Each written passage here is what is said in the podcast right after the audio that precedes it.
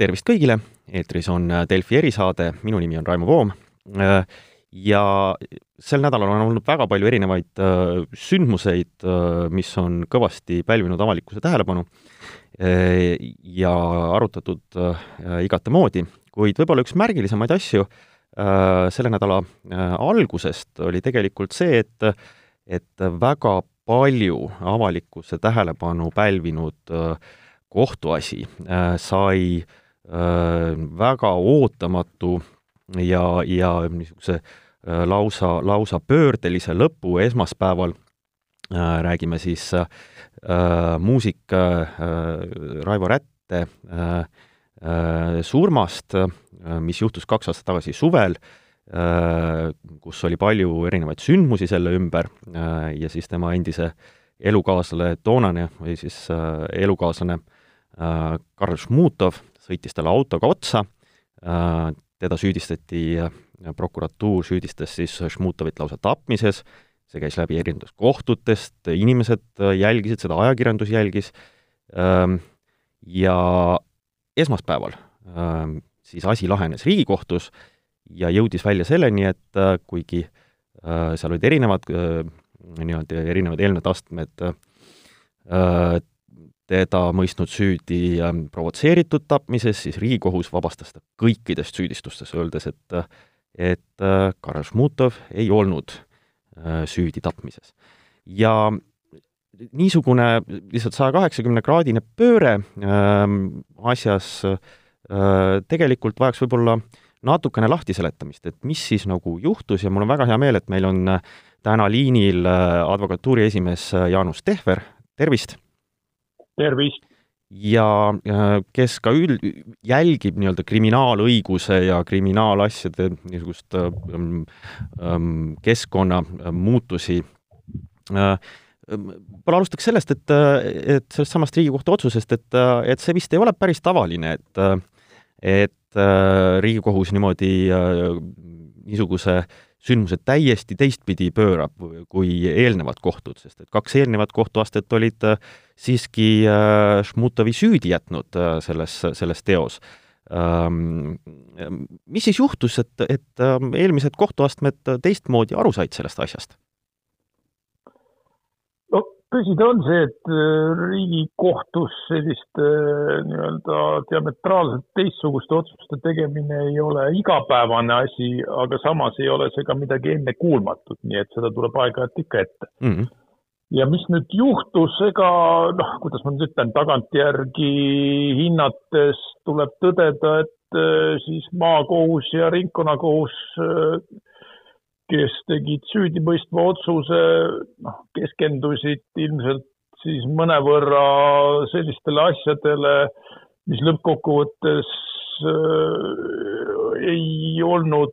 asja lõpliku lahendamise kontekstis äh, sellise määrava tähendusega. Ja see küsimus, äh, mis siis Riigikohtu hinnangul sai otsustavaks, jäi mõnevõrra tähelepanu alt välja. Mm kas ma saan õigesti aru, et, et tegelikult see võtmeküsimus, seesama, mis osutus siis Riigikohtu jaoks äh, määravaks, on just äh, niisuguse hädakaitse ähm, tõlgendamine, et äh, mis, mis see endast siis kujutab, et et ähm, ka, kas me saame lühidalt rääkida, mis, mis, mis see hädakaitse on ja mis, mis siis on nüüd, mis siis, mis siis teistpidi on? et äh, selle, selle asjaga nüüd, selle otsuse valguses ütleme siis niimoodi, et äh, ega nüüd äh, hädakaitse kui õigusliku instituudi sisu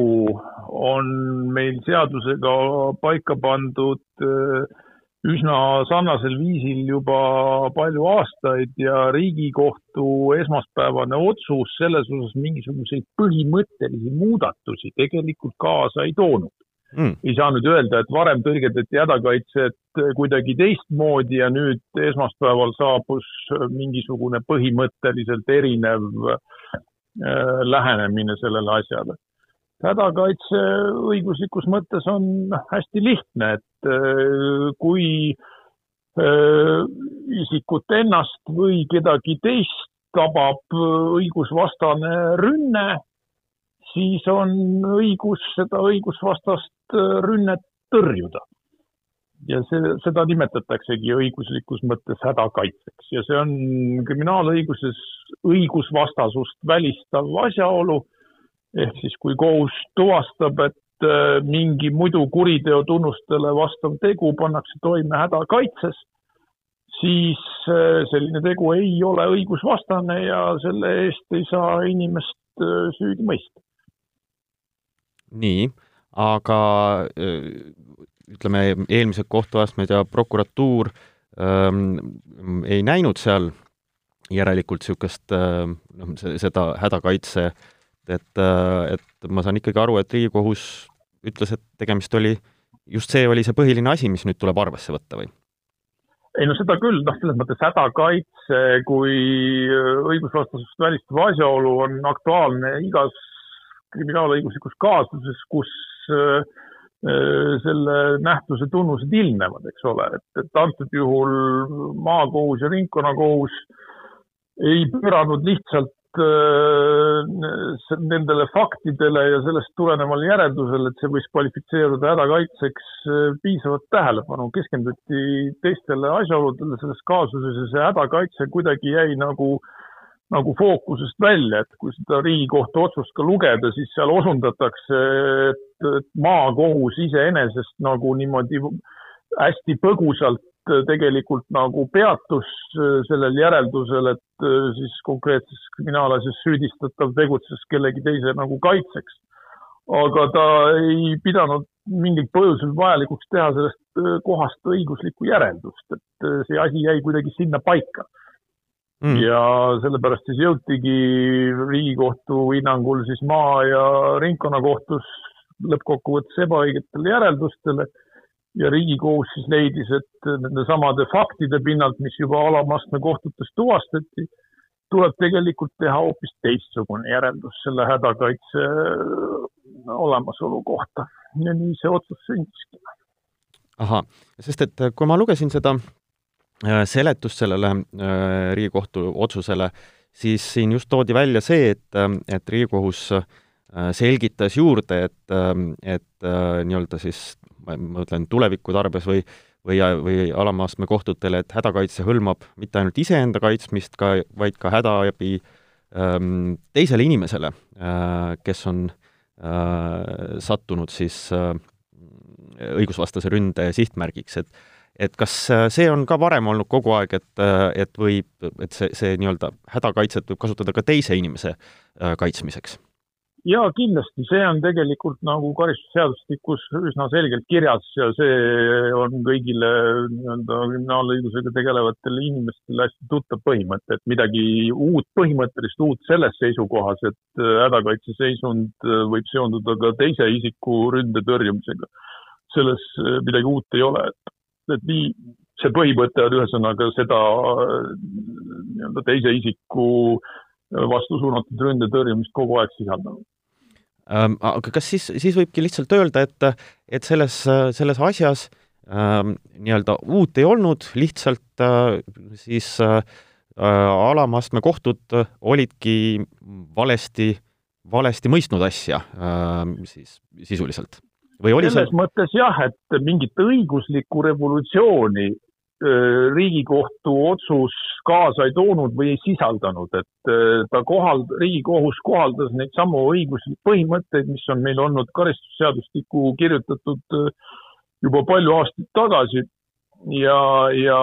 ei loonud selles mõttes mingit uut õigust, kui nii võib öelda. Mm vaid äh, ta lihtsalt äh, osutas siis sellele, et äh, madalama astme kohtud jätsid juba nii-öelda ammu teada õiguspõhimõtte lihtsalt noh, tähelepanuta või kohaldamata, sest nad keskendusid muudele asjadele mm,. aga ma mõtlen, et, et, et kas kas niisugust asja, ma ei, ma ei tea, kui, kui tihti võib juhtuda niisugust asja, et, et, et siis äh, niisuguses tegelikult väga väljapaistvas asjas äh, lausa kaks madala astme kohust äh, jätavad äh, noh, niisuguse Riigikohtu või pärast selgub, selgub selle Riigikohtu järel väga olulise nüansi sisuliselt arvestamata, et et kuidas niisugune asi saab sü sündida no ega see tegelikult näitab, miks on vaja mitmeastmelist kohtusüsteemi mm.. tuleb aru saada sellest, et olgu kaasus ükskõik kui oluline või ükskõik kui suure tähelepanu all avalikkuse silmis, õigust mõistavad inimesed. ja ma pean silmas kohtunikke, eks ja. ole, ja, ja täiesti selles mõttes nii-öelda möödapääsmatu, et nii nagu iga inimtegevusega võib kaasneda see, et eh, inimesed oma tegevuses eh, aeg-ajalt ikka eksivad inimlikel põhjustel ja selleks, et selliste eksimuste tagajärgi viia miinimumini, ongi vaja seda, et ühte sama kaasust äh, peab läbi vaatama mitmes kohtuastmes. Ja kui tuleb välja siis ka lausa selles viimases kohtuastmes, et mingi viga on varem tehtud, siis tuleb see ära õiendada. see ongi kohtusüsteemi toimimise selles mõttes musternäide mm,. Mm kas, kas teil endal oma praktikast äh, ka niisugusi äh, või, või, või, või teate üldiselt niisugusi varasemaid juhtumeid, äh, te ütlesite, et, et seda sagedasti ei juhtu, aga siiski võib juhtuda, et kus, kus on täpselt samamoodi juhtunud, et, et see tõde siis selgub alles Riigikohtus ja on palju erinev kui kõikides eelmistes astmetes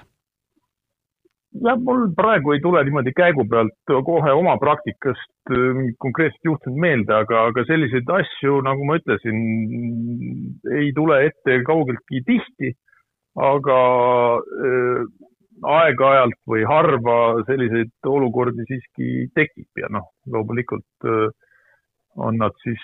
selles mõttes nii-öelda teatud mõttes erakordsed, et, äh, et äh, see lõpp lahendus saabub alles nii-öelda kõige viimases etapis. tava, eeldus on tavaliselt ikkagi see, et, et asjad jõuavad õige lahenduseni ka juba varasematel kohtuastmetel. Aga nagu öeldud, erandlikel juhtudel võib minna teisiti ja, ja kui see siis juhtub, siis, siis nii on lihtsalt. Mm.. aga mis see, äh, mis see nagu äh, niisugune ähm, nagu inimesele tähendab, et äh, ma mõtlen just seda, et et äh, sellest sündmusest on, on peaaegu kaks ja pool aastat möödas ja ja palju kohtuuksi ja uurimist äh, tehtud ja nii edasi, et kui inimene jääb niimoodi plaksti õigeks, et kas siis ongi, kas siis on kõik tema jaoks või et äh, et, et ku, kuidas nagu niisugusest kohast eluga edasi minnakse, et noh, see on ju palju tähelepanu pälvinud ja, ja nii ja naapidi arutatud seda, et et noh, kui inimene, no kui läheb teistpidi, kui inimene peabki minema äh, Äh, siis äh, karistust kandma, jääb süüdi, siis äh, noh, meil on rehabilitatsioonid vanglas ja nii edasi. mis saab sellega, sellest inimesest, kas siis ongi kõik, et põhimõtteliselt suruti kätt ja öeldi, et nüüd on kõik sinu jaoks või? No selles mõttes võib seda ka nii robustselt väljendada jah, et äh, riigikohtu otsus on lõplik ja edasikaebamisele ei kuulu ehk siis selle süüdistuse alusel rohkem mingisugust menetlust enam ei toimu, inimene on mõistetud talle esitatud süüdistuses õigeks ja see ongi kõik. et äh, ma ei tea, selles mõttes, kuidas iga,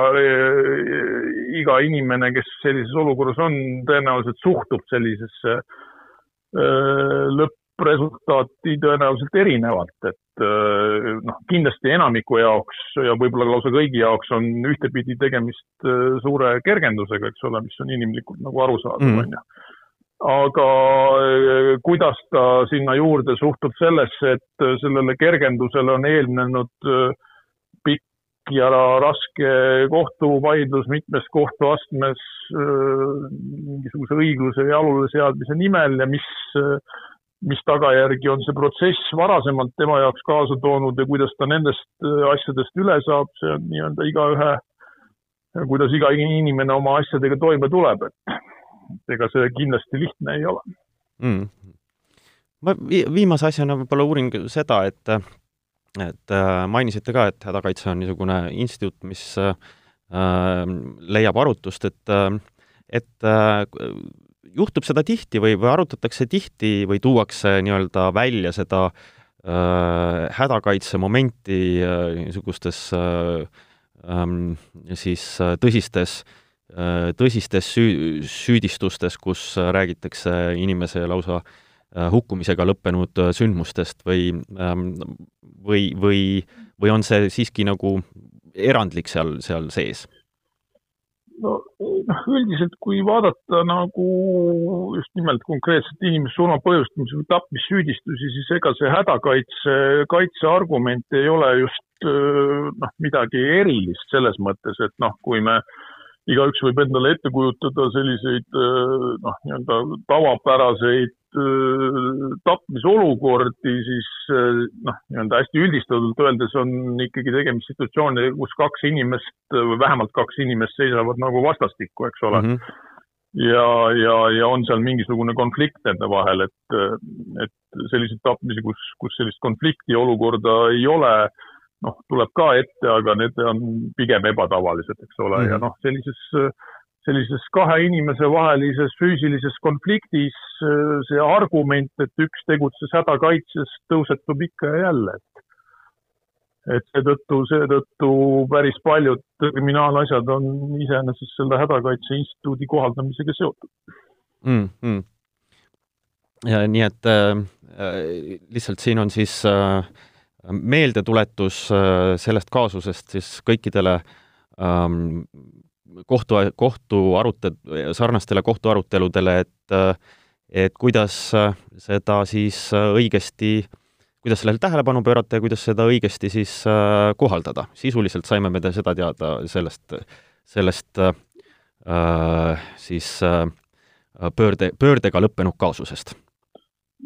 noh, kellele võit ja kellele kaotus, see on alati iga kohtuvaidluse üks selline nii-öelda, oleneb vaatenurgast, eks, aga noh, kui tahta sellest konkreetsest äh, esmaspäevasest Riigikohtu lahendist mingisuguseid üldisi järeldusi teha, siis, siis seda põhimõtteliselt võib jah niimoodi formuleerida, et, äh, et äh, kõigis kaasustes tuleb kõiki asjasse puutuvaid fakte vaagida ja põhjalikult nii-öelda hinnata, milliseid õiguslikke järeldusi nendest faktidest teha saab, muuhulgas siis sellise karistusõiguse instituudi nagu hädakaitseõiguse kohaldamise kontekstis. ei saa jätta asjaolusid tähelepanuta lihtsalt. just, just. Äh, ja siinkohal võib-olla ongi lõpetada paslik äh, siis tõdemusega, et et äh, just see kaasus tõi välja siis selle vajaduse, miks meil on mitu kohtuastet ja näitas seda, kuidas äh, siis äh, ähm, õiglus ja õigus saavad vahel ka päris viimases faasis jalule seatud. igal juhul aitäh nende selgituste eest, Jaanus Tehver, ja Delfi erisaade on taas eetris järgmisel nädalal, aitäh kuulamast! Kuulmiseni!